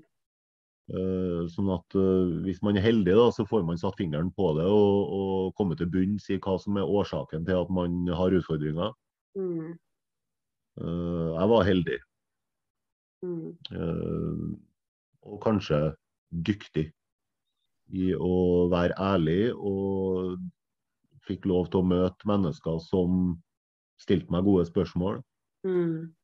som hadde god kunnskap om det problemområdet som jeg snakka om. Mm. eh, som traff meg, i hvert fall. Mm. Og det snakkes veldig ofte om tilbakefall. Om triggere og sånne ting. Det snakker vi jo om en del i studiet vårt også. Er ikke i nærheten. Kommer aldri til å skje. Og det er jo litt sånn Sitter på sin høye hest og sier at det aldri kommer til å skje. Du har vært borti den. Mm. Eh, Men jeg har jo sittet på den høye hesten før. Slutta og hatt besøk av folk, og de har liksom Ja, skal du ha en eh, joint, eller? Nei, jeg har slutta. Jeg vil at dere skal gå på trappa hvis dere skal røyke. Og Så går det en eh, uke eller to, og så står jeg på trappa sammen med dem. Ja. Det kan du banne på. Men den, eh, den totalendringa som skjedde eh, i 2016, vil jeg si, og de, den, de tingene som har skjedd videre, da, Ja. er så mektig i, i mitt liv. Det er så kraftfullt. Og det jeg klarer å bygge rundt meg nå, er potensielt så vakkert at jeg merker ikke noe som helst eh, triggermuligheter eller fare for tilbakefall. Nei, Det er ikke sant. interessant. Så jeg har jo fortsatt null kontakt med tidligere nettverk. Det er jo fortsatt en av nøklene. Uh, savner mange enkeltindivider så det kost. Mm. Uh, Syns det er så trist med de brente bruene og, og det fraværet fra enkelte mennesker med, som jeg har kjent i 30-40 år. Mm. Helt klart. 30. Men sånn må det være. Mm. Uh, det jeg bygger rundt meg nå, jeg har ikke noe svært nettverk nå heller. Jeg er ikke noe sånn uh, full av folk som hamrer på døra mi og spør om jeg vil komme på fest. Mm. Heldigvis ikke fest, men uh, uh, det, jeg har ei håndfull med sjeler i livet mitt som er, er der. Som er Og den er Mm. stabil, og som er Mm. trygg, og som er verdifull. Ekte. Og så har jeg jobben hvor jeg kan være veldig utadvendt. Jeg må bare si at jeg syns du var så altså Jeg ble så stolt av deg når jeg hørte at du takka nei til rus i fengsel. Og så er Ja. det en plass, jeg skal ikke si for sikkert, men er det en plass jeg eventuelt kunne ha falt tilbake, da, så tror jeg det har vært i Mm. fengsel. For det, det har vært så håpløst. Yep. Hadde jeg følt. Og jeg bare Litt spesielt, da. Ja, det er ikke lov å røyke der noe lenger, ikke sant? Ja. Sånn at du, du, fer, du, du får ikke lov å røyke på cellene noe lenger, da, så du har sånne én time her og der at du kan gå ut og nirøyke litt, og så er det inn Ja. igjen. ikke sant? Ja. Det i seg sjøl er jo tortur for en som er avhengig av nikotin. ja. Men du kommer ut i, i gangen på morgenen, da, så lukter det cannabis. Mm. Går inn på toalettet, i fellestoalettet, så lukter det cannabis. ja. Så for, for veldig mange så vil jo det være svetting i armhula og, og tørr i kjeften og fristelse de luxe. Ja. Men jeg var veldig bevisst på hva jeg skulle og ikke skulle. Jeg skulle jo ut fortest mulig, først og fremst. Jeg skulle komme meg ut så fort som mulig. Og da, da og så er jeg heldigvis blitt såpass moden når ting og endringer kom, at jeg, jeg visste hva jeg ville. Jeg visste hvor jeg ville. Så et av hovedmålene mine var å kjøpe meg en bil som kosta mer enn 100 000. Mm. Jeg har aldri i livet fått tatt opp et lån ikke sant, pga. økonomi. Mm. Nå har jeg en bil til 85 000. Men den var annonsert til 120 000. Ja, men da, da kan vi si at da, da er det målet nådd. Det er godkjent, det føles bra når man når målene sine. Ja. Men, men når du kom ut, så begynte du å henge i fire. Tok det lang tid før du liksom var tilbudt å være der fast, eller å liksom bidra på en annen måte? Nesten noen minutter å tro på skjebnen lell, vet du. For at Ja. eh, det er litt spesielt. Jeg begynte jo å spille fotball en gang i uka i Fire. Ja. Og øh, syntes det var litt lite. Men jeg hadde ikke lyst på noe annet, så jeg fikk med meg en del av spillerne og tok og ordna i ekstratrening. ja. Så det ble litt mer trening på Fire-medlemmene også. Og så kom det sommerferie, og Fire skulle ha pause, så, sa jeg kan ta treningene. Ja. Ja, kult. Ja. Og så er det en frivillig kar som pleide å være med da, i Fire på fotballen, som uh, jobber i en bank. Trivelig voksen mann. Som uh, sa Yngve Fayer har utlyst stilling, uh, som du kanskje skal ha søkt på. Så går jeg på finn.no og leser stillingsteksten. Ja. Søker miljøarbeider med ansvar for fotball. jeg bare what the fuck? Den var jo så Det- lagd for deg, den. Det var det, vet du. Ja. Og så jeg forfatter nå en søknad da, og leverer, og så eh, er det jo en del søkere på denne stillinga med utdannelse og erfaring og det ene og det andre som eh, blir innkalt på intervju til Fire. Og del av det intervjuet er å lede en trening. Ja. Sånn at jeg kommer på en trening sammen med han som starta Fire, Ja. og to stykker som skal være med på den treninga på intervju. Ja. Og da blir jeg litt sånn eh, Men eh, skal ikke jeg få svar på om jeg blir eh, altså Skal ikke jeg få svar på at dere har tatt imot søknaden min, i det minste, og kanskje bli avvist, da? Ja. Dere tar folk inn på intervju der jeg, på en stilling som også jeg har søkt på. Sånn jeg viser ikke akkurat den her eh, spilleglade Yngve på banen når det her foregår. Og det legger han jo merke til, han Terje, da, som, som uh, hadde dem på intervju. Så han tar tak i meg på sidelinja og sier du, er det noe galt? eh, ja, sa jeg. Eh, jeg syns jo det er helt horribelt at dere ikke svarer på søknaden min, og så har dere folk på intervju på en, eh, på en stilling som jeg har søkt på. Det er jo dårlig kutyme, sier jeg. Ja, det har du rett i. Beklager. Kan ikke vi ta en kaffe, sa han. ja. Oi, herregud. Da skjønte han at de har, de har altså Det er jo dårlig kutyme.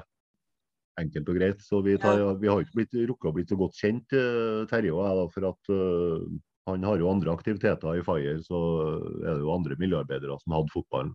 Ja. Men vi møtes i byen, tar en kaffe sammen, blir litt bedre kjent. Og en av tingene jeg forteller, er at jeg, jeg ser masse jobber å søke på, men jeg har så store hull i CV-en min og er så usikker på meg sjøl at jeg, jeg klarer ikke å søke på dem. Ja, men det kan jeg hjelpe deg med. sier. Mm. Eh, Så litt skrinlagt den her eh, jobben som trener nå, da, eller til Fire. De hadde jo folk på intervju, og de hadde jo kommet sånn og sånn inn i prosessen. Og fikk beklagelse for at de ikke svarte på søknaden min først. For jeg sa det at hvis at de hadde eh, sagt at vi har tatt imot søknaden, men du når ikke opp denne gangen, lykke til videre, så har Mm. jeg hatt full respekt for det som skjedde på banen. Mm. Men de gjorde jo ikke det, så Mm. Men vi ble enige om at han skulle eh, finne en plass hvor jeg kanskje kunne søke jobb, da, for de har jo et bredt kontaktnett. Og, Så jeg sa det at hvis han, han spurte meg da, hvis at jeg finner en plass der, vil du møte opp da? liksom? Ja, det vil jeg se. Da gjorde han jo det. Fant en Mm. plass på noe byggmakkergreier på Lade. Trengte folk, og så møter jeg opp der sammen med Terje. Og så møter vi en hyggelig mann som er direktør. Eh, hvor han eh, sier at jo, jeg kan få jobb der, men ikke før i desember. Nå er vi jo på slutten av sommeren. Så Aha. noen måneder frem, da. Ja. Det var noe hyggelig. Da gleder jeg meg til desember, jeg, så ses vi igjen, sier jeg. sant? Og så Mm. ha det bra. Og så viser det seg sånn, eh, tida går nå litt, nå er jeg nå med å trene og hjelper nå til på treningene og er nå den jeg er. Mm. Så har Fire julebord. Overgangen fra 2017 til 2018. Og når jeg skal dra hjem fra julebordet, da, så liksom eh, går jeg bort til Terje og sier takk for i kveld, det var et trivelig julebord. Og ja, du, vi må gå ut og ta en røyk sammen, sier. Og vi går på utsida og tar, oss en, uh, tar med oss en hver sin kaffe og så en uh, sigarett. Og så sier han du, eh, du får sånn lønns... Hva heter det? Lønnstilskudd. lønnstilskudd, du, ikke sant? Gjør Ja. det, sier han. Jo, det gjør Mm. jeg, sier jeg. Så jeg finner rette arbeidsgiveren, så får jeg det. Ja. Jeg tror kanskje vi For vi fant jo aldri noen til dere stillinga. Jeg tror kanskje Kan ikke, kan ikke du prøve? Oi, jo, det kan jeg, si. Ja. Sånn at uh, enden på det julebordet var jo at jeg ble tilbudt jobb som miljøarbeider med ansvar for fotball. Å, så eh, fantastisk. Fra da januar 2017. Mm. eh, 2018. Ja. Så, og det var jo da midlertidig, selvfølgelig, da, i og med at det var lønnstilskudd og, og sånne ting. Men uh, det gikk jo halvår, år, og så fikk jeg fast jobb, da. ja. Så da er det jo ikke Det var jo helt horribelt at det står miljøarbeider med ansvar for fotball. Da. Det skal stå miljøarbeider med ansvar for alt. Så du Det er det føler, føler du nå at du har liksom kommet hjem på en måte, at du har funnet ditt kall i livet nå? Ja, delkall. Ja. Um, jeg har jo alltid hatt en liten gründer i magen av det, vet du. Mm. En, en sånn drømmer. Mm. Det er viktig, det. Ideer, ideer og ting som uh, oh, det hadde vært kult, liksom. Men uh, jeg er litt mer sånn uh, Jeg er trygg der jeg er. Mm. Uh, har en jobb jeg stortrives i. Uh, Det er jo en del caser i jobben som er veldig spennende og utfordrende. Mm. Uh, Samtidig så får jeg jo så jeg får hjulpet mennesker samtidig som jeg får leka meg med det jeg syns er veldig artig, og det er ballspill. Ja, ikke sant. Så, sånn sett så har jeg fått en gavepakke fra verden som er stor i mitt liv. Mm. For at denne jobben kan jeg stå i til jeg finner noe som er enda større. Ikke sant. Så lenge Fire får midler fra systemet og kan opprettholde sin drift, så har jeg jobb, og det, det føles veldig godt. Men for dem som hører på denne episoden her nå og ikke vet eh, om Fire, hvem er det som kan komme til Fire? Everyone. Ja. Du trenger Eh, ikke å ha noe Nei, Fire ble jo starta i, i 2008 da, av Wenche og Terje, og de uh, jobba i rusomsorg og Frelsesarmeen. Ja. Eh, da jobba de jo tett på mennesker som var i aktiv rus. Mm. Det de fant ut etter hvert, var at de trengte å starte eh, en arena for mennesker som ville ut av aktiv rus. Mm. Eh, et skritt videre. Mm.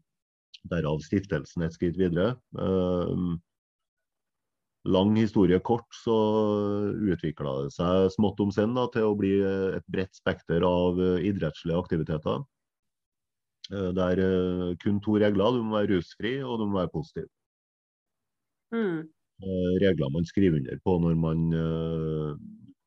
skriver medlemskontrakt. Vi er jo medlemmer i Fire. Man blir ikke Ja. henvist til Fire, man er medlem. Til å begynne med så var det jo da naturligvis veldig mye rus relatert medlemsmasse, Ja. altså tidligere rusbrukere.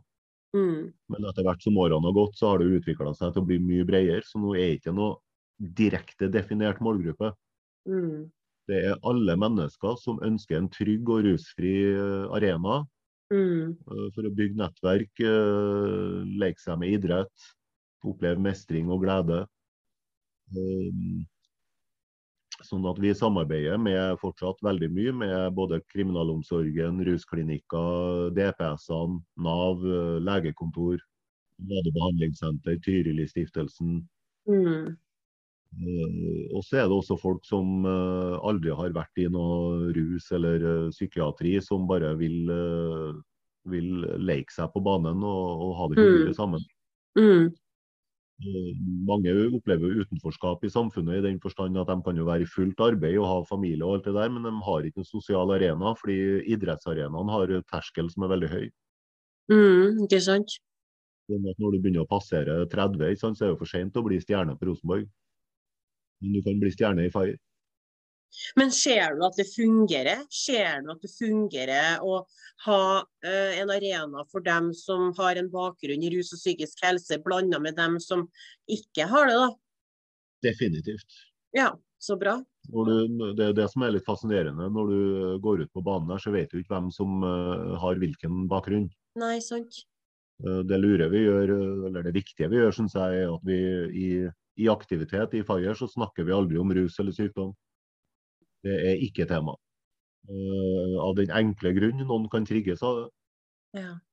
Og, og spesielt på sykdomssida så blir det fort en konkurranse om å være sykest. ja. det blir ofte sånn, ja. Vi fokuserer på her og nå og, og veien videre. Mm, så bra. Eh, Det vil ikke å si at vi er jo en idrettsklubb med noe attåt. Ja. Så bra sagt. det, vi, vi, vi bruker idretten og aktivitetene våre til å bli kjent med folk, så det er jo et verktøy. Ja. Et verktøy Mm. for å bli kjent med folk. Og når vi bygger gode relasjoner, så oppnår vi tillit. Og da går det an for dem som har ønske om det, å Mm. bruke oss til å bygge, bygge på livet sitt, rett, og slett. Mm. Eh, Skape recovery. Ja, det er så viktig. Og jeg føler at Fire på en måte Det passer så godt inn i Trondheim. Det er så Mm. viktig for Trondheim å ha. Mm. Også fordi at dere tar inn at det, det er ikke noe liksom vanskelig å komme til dere. Dere står liksom med åpne armer. Jep. Og det er så Vi viktig. avlyser aldri Mm. trening. Nei, sant. Så Nei, jeg, jeg hører det mange rundt meg som eh, går til dere, og det, det er så viktig å ha for oss som har hatt et tøft liv, da, at vi har noe å gå til når vi skal prøve å ordne livet vårt igjen. Mm. For det har jo også vært et stort tomrom. Ettervernet, Ja, ja. liksom. Helt klart. Altså, vi, vi driver jo per definisjon ikke med noe behandling eller noe sånt. Vi, vi skriver aldri journaler eller noe, har ikke noe kontakt med eh, øvrig helsevesen Mm, rundt medlemmene våre. Med mindre vi eksempelvis sitter i en ansvarsgruppe sammen med et medlem. mm, Eh, og, og da er det fordi det medlemmet har ytra ønske om det. ikke sant? Da er vi med som en støttespiller og en trygghetsanker. da. mm. Eh, Men ettervernet i Trondheim, altså det, er jo, det er jo en skam. Eller det gjelder jo Ja. hele landet, vil jeg tro. Mm. Jeg er helt enig. kommer ut, eh, kommer ut fra rusklinikker eller fra psykiatrien, og så blir de sendt rett tilbake til der de har bodd. Mm. Så du er tolv måneder inn på en klinikk, og så er det tilbake til nabolaget med nærmeste nabo som er samme gamle eh, vanene. Mm. Det er jo ikke noe rart at det blir høyt tilbakefall. Nei, det er ikke det. Det er Psykisk helse er jo egentlig så enkelt. Man trenger ikke å gjøre det så vanskelig. Og Det er det jeg føler med dere òg, at dere holder det så enkelt. Det er så enkelt å komme til dere, og det er ikke noe mye om og men. Sant? Dere er der bare. Sånn som du sier, det er ikke noe journalføring, og det er ikke noe ditt og datt og tjo og hei. Bare kom, liksom. Vi har to regler, rusfri Mm. og positiv. Hvis at du ruser deg, så blir du, da kan du ikke komme på trening eller uh, gruppeaktivitet. Da blir du invitert på en kopp kaffe. Mm. Og Så finner vi ut om, uh, om det her var et engangsforteelse, eller om du har tenkt å fortsette å ruse deg. Hvis du har tenkt å fortsette å ruse deg, så kan du ikke komme til Fire. Uh, Hvis, du, hvis det var en engangsgreie og du er, du er på, på, på god, god driv igjen, så får du selvfølgelig komme tilbake og, og trene videre. Men har dere noen gang kasta ut noen sånn Du får aldri komme tilbake hit, det her tok kaka, liksom. Nei, ikke i løpet av mine tre år. Nei. Men det er jo folk som eh, forsvinner fra Fire også. Det, noen, eh, noen tar noen skritt videre og, og begynner med andre Mm. ting i livet og, og trenger ikke Fire noe mer. Mens Mm. uh, noen kan jo ramme tilbake på rus eller uh, flytte. Mm. Uh, men det er et fåtall av dem som eh, er med i aktivitet til oss, som eh, ramler ut på det. Mm. Men hvordan er det liksom, for det er jo noen plasser som er skapt for at man bare skal være der i en periode og så komme seg videre. Hvordan er det til dere? Er det meninga at dere er bare en sånn periodebit, eller skal folk, eh, kan folk være der for alltid, skulle jeg til å si? Både og. Ja. Eh, Vi har medlemmer i Fire som har vært med siden Fire ble starta. Altså godt over ti år. Vi har noen som kommer og er hjemme i en måned eller tre Ja. mens de er i behandling. Og vi har folk som er med i et år eller to. Eh, opp til deg. Ja. Eh, Vi kaller det jo stiftelsen et skritt videre, men vi kan jo ikke være den som eh, definerer hva et skritt videre er i ditt liv. Nei, sant. Sant? Sånn at For deg så kan det være et skritt videre og i hele tatt uh, være med på Fire hver uke. Ja. Og være med på de aktivitetene du ønsker resten av livet, hvis du vil det. Mm. Så lenge det er noe du ønsker, så er du velkommen. Uh, mens for andre så er det et, uh, en, en del, et delmål. da, at du, La oss si at du begynner å sykle sammen Fire, og har ambisjoner om å bli syklist. Så går du fra Fire til Stiftsstaden f.eks. sykkelklubb, og da er det et skritt videre for deg innenfor sykkelperspektivet. da? Innenfor den sant. grenen. Um, Det er derfor vi ikke kan si at vi har noe direkte definert målgruppe også. Fordi vi vet ikke hvem som trenger hva i samfunnet vårt. Nei, sant. Så vi tilbyr en arena som har en del eh, verdier og noen enkle kriterier.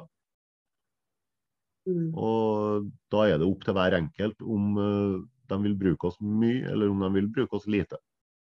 Det er jo det arbeidet som gjøres på sidelinja som er det viktige arbeidet vi gjør som miljøarbeidere.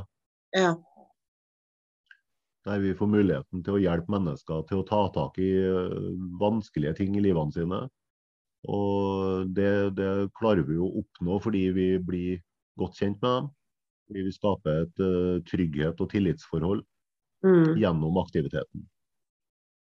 Og der òg er det, det er jo slik at vi mennesker er forskjellig skrudd sammen. Sånn at eh, selv om det er jeg som har fotballaktiviteten og har blitt kjent med en person, så kan det være en helt annen miljøarbeider eller miljøterapeut i FIRE vedkommende ønsker å snakke med. Og det er veldig fint, da. Ja, det er jo og det. det. Ja, det er jo ikke alle som klaffer med alle. det Og skal det ikke skal være også heller. være opp for Ja, ikke sant. Men jeg har opplevd og vært på plasser hvor miljøarbeidere har blitt snurt for at den personen heller vil snakke med en annen miljøarbeider, og det blir så feil. Ja, det er synd, det. Ja. Men sånn, bare kort nå, da, for vi er jo snart ferdig med episoden. Men hva vil Mm. du si er mangle, et manglende element i, i, rusomsorgen her i Trondheim? Helhetlig uh, pakkeforløp. Det er mm, Altså det individ, individene er så forskjellige at hvert enkelt individ trenger en helhetlig pakke rundt sitt liv. Da. Mm. Vi, vi, passer ikke inn i, vi passer ikke inn i samme bås. Nei, vi gjør ikke det. skal, har vi et mål om at folk skal klare å komme seg videre ut ifra en, eh, en gitt bakgrunn. Så må vi faktisk skreddersy veien til hvert enkelt individ. Og Da er jo selvfølgelig tida etter eh, behandling som er nøkkelen for oss å kunne stå lenge i en eh, positiv vekst. Da. Mm. Jeg er helt enig. Så eh, erfaringskonsulenter er jo viktig, men ikke bare erfaringskonsulenter. Det, det er liksom bolig, sysselsetting. Mm. Man må erstatte Mm. rusen med noe. Mm. Hvis du ikke erstatter rusen med noe, så er veien tilbake til rus kort. Mm. Så det er mye som mangler. Ja, jeg ble jo veldig sjokkert når jeg intervjua Rita Nilsen i episode 1, når hun fortalte meg at vi ruspasientene har egentlig pakkeforløpet til kreftpasientene. Jeg holdt på å datte av stolen, jeg. Er det mulig, liksom? vi har jo ikke noe som er likt med en kreftpasient. Nei. Bortsett fra medisineringa, kanskje, til enkelte. Men utenom Ja. det så er det jo ingenting som er det samme. Nei, det, altså jeg, jeg, skjønner at, øh, jeg skjønner jo at det er veldig vanskelig for et øh, samfunnsapparat å ivareta en, øh, en demografimasse, da, altså en del mennesker som øh, sliter med rus. Mm. Kjempevanskelig å forholde seg til. Mm. Eh, Den tunge sida av rusen er så pregende for individet at det er vanskelig for både hjelpeapparat og boligeiere å gi tillit. Mm. Eh, Jeg hadde ikke kunnet tenkt meg å leie ut et rom her til en rusmisbruker. Det hadde ikke vært aktuelt. Nei. Og det, det, det sier jo litt, da. Jeg har jo et hjerte for mennesker som uh, har rusa seg og vil komme seg videre og være rusfri. Mm. Men jeg kan ikke tillate hjertet mitt å romme mennesker som er i aktiv rus. Nei. Det går ikke. Jeg vil jo, jeg vil jo ha det bort fra verden. Mm. Og det er utopi, vi får det ikke bort fra verden, så da må vi jo finne noen gode løsninger på hvordan vi skal gjøre det best mulig. da. Mm. Eh, Men det, dere er vanskelig, det, det, og det, jeg har ikke noe fasitsvar. Nei. Jeg vil ikke prøve å komme med et fasitsvar engang. Det, det er så vanskelig. Mm. Jeg er helt For enig. eh, På ene sida så skal man forvente at eh, Nav-systemet, eller eh, Norge, da, skal stille med både bolig og økonomi og helsepleie og det ene og det andre. Mm. Og når systemet prøver det, så, så mm, Si du bygger et hybelhus, da. Så blir det feil fordi man stuer mange sammen. Mm. Hvis du putter noen ut i et borettslag Mm. der det er barnefamilier, så blir det feil fordi der er det barnefamilier. Ja. Så det blir feil på feil på feil. Ja. Så jeg vet ikke hva fasiten er. Nei. Men eh, del, delfasiter er jo at man må ta for seg hvert enkelt individ og ikke sette dem i bås. Og, og prøve å skape pakkeforløp rett og slett som passer til hvert enkelt individ. Det tilpasses til hvert enkelt individ. Og Da er det først og fremst å skape rusfrihet. Og så er det veien videre etter at rusfrihet er oppnådd som er nøkkelen. Og Hvordan den nøkkelen ser ut, det vet ikke jeg, men for noen så er det jo først og fremst få flytta på seg. Nytt nettverk, nye aktiviteter, ny, ny utvikling. For noen er det direkte inn i jobb, for andre er det i skole, for noen er det hobbybasert. For noen kan det være viktig med samtaler kontinuerlig, fortløpende resten av livet. Mm. Alt som skal til for at uh, hvert enkelt menneske skal klare å leve et godt liv, Mm. tross av bakgrunnen sin. Om det er rus eller sykdom. Men har du noe, liksom, noe tips til også når vi, når vi blir rusavhengige, så begynner jo økonomien å skrante, sånn som vi kom inn på til Mm. deg her nå. Hvordan, eh, hvordan på best mulig måte kan man rydde opp i det? Har du noen erfaring med det? Nei, eh, så nå har jo jeg vært både heldig og dyktig eh, Ja. og fått eh, hjelp til å, til å få fjerna kreditorer. da. Eh, Slik at jeg har ikke noe kreditorgjeld nå lenger. Inkasso og sånn er bort. Eh, Ja, når du sier at du har fått hjelp, har du fått familiehjelp, eller har du fått kommunal hjelp? Nei, jeg har fått uh, privat hjelp uh, Ja. gjennom uh, nettverket jeg har bygd meg nå. Det blir litt okay. sånn del, dels gjennom jobben og, og privaten. Mm. Jeg har fått tillit, jeg da. Ja. Det er ikke mye det er snakk om, men så lenge det ikke er kontroll på det, så er det mye Mm. for den for den det gjelder. Men man har gjeldsrådgivere i Nav-systemet. Mm. Eh, Man har alt fra gjeldssanering til verge til det ene og det andre. Eh, Det viktige er å begynne en plass. Mm. Helt klart. Så jeg begynte jo ved å vise eh, nedbetalingsvilje utafor det å få hjelp. Så jeg betalte jo ned godt og vel 100 000 før jeg fikk hjelp til å få unna resten. Og såpass, ja. Åh. Så deilig det må være å ha kontroll på, på økonomien igjen. Det er litt skummelt. for Jeg kan gå på internett og så kan jeg søke om eh, noe, og så får jeg ja. Ikke sant? Å, herregud, ja. Det er en kontrast også for at øh, så Jeg var jo litt bitter på det der òg før, så det er jo en ting jeg var veldig åpen med Nav om. var At jeg sleit med økonomi. Og at jeg var bitter fordi hvis jeg skyldte 10 000, så hadde 10 000 blitt til 70 000 pga. Lindorf, ble det å si. da. Altså pga. inkassosystemet og måten de øker øh, gjelda di på ja. når du ikke er betalingsdyktig. Så der har jo et område det går an å se litt på, faktisk, for at det er urettferdig. Eh, På ene sida, ja, selvfølgelig skal du betale det du skylder. Mm. På den andre sida, så hvorfor skal du betale ti ganger det du skylder?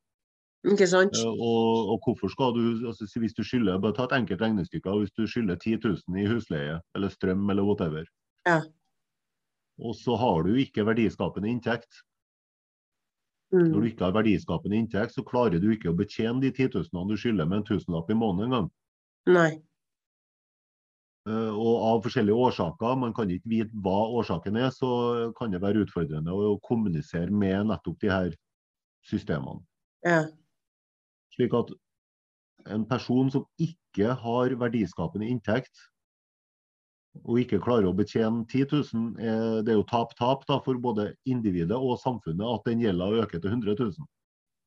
Spesielt for individet. syvende og sist så er det samfunnet som bidrar når det skal ryddes opp. Det er jo samfunnet og skattebetalerne det blir dyrt for når gjelda til individet har blitt økt fra 10 000 til 100 000. Mm. Når jeg får gjeldssanering, så er det gjennom skattebetalersystemet og velferdsordninga vår. Mm. Nå har ikke jeg fått gjeldssanering sjøl, men det er perspektivene. Ja.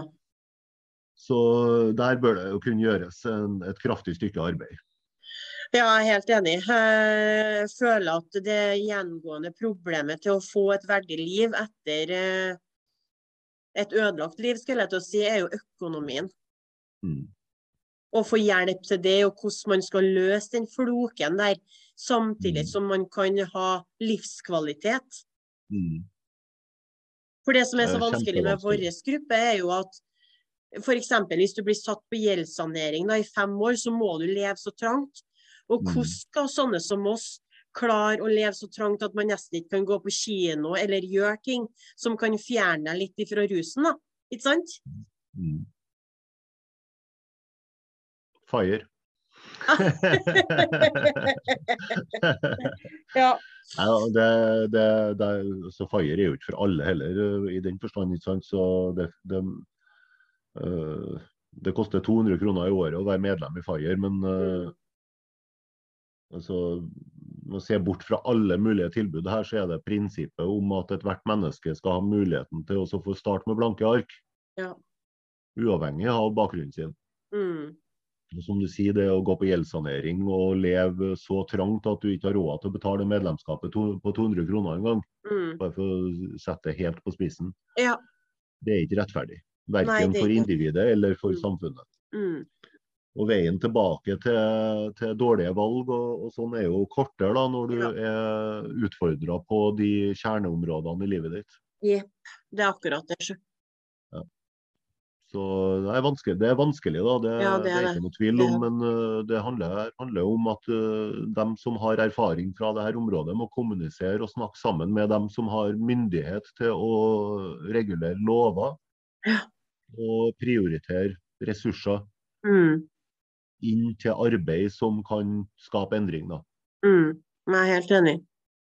Det er mye å ta tak i ennå, ja. Men tusen, tusen takk for en utrolig interessant historie. Vi har sikkert sittet i to timer til, vi. Ja.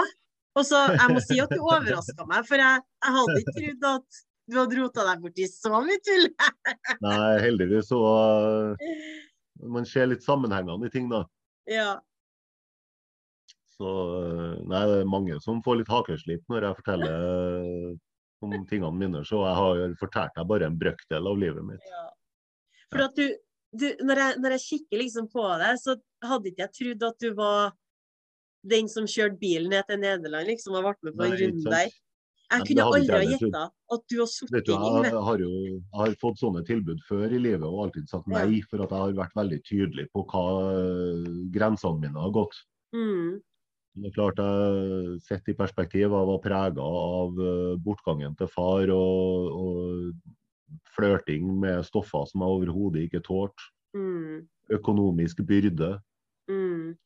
Så det ble den uh, lettvint-løsningen, da. Mm. Det ble den løsninga du har prøvd å unngå i flere år, liksom. Yes. Plutselig klarer ikke man å si nei lenger. Nei, man mister litt uh, perspektiv og moral. Da. Ja, man gjør det. Mm. Mm. Men du får ha en kjempegod helg videre, og så tar jeg kontakt med deg litt seinere igjen, angående det vi prata om. Definitivt. Yes. Takk for praten og lykke til videre. Jo, takk det samme. Ha det. Ha det.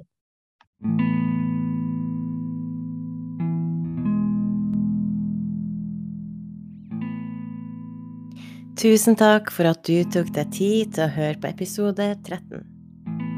Fremover må jeg levere siste eksamen, og så er det jo litt ferietid, så jeg er litt usikker på nøyaktig dato for neste episode, men jeg skal prøve å få lagt ut en ny innen tre til fire søndager fremover. Det er bare å følge med på Instagram-sida mi, så får du vite når neste episode kommer. Jeg har ikke helt spikra ny gjest, men vi driver avtale litt frem og tilbake, så det blir veldig spennende. Og hvis det blir den gjesten jeg håper på, så har hun begynt å gjøre det veldig bra på TikTok. Samt at hun også er mamma i LAR, sånn som meg. Så jeg ser virkelig frem til å høre hennes historie. Vi høres, og fortsatt god sommer.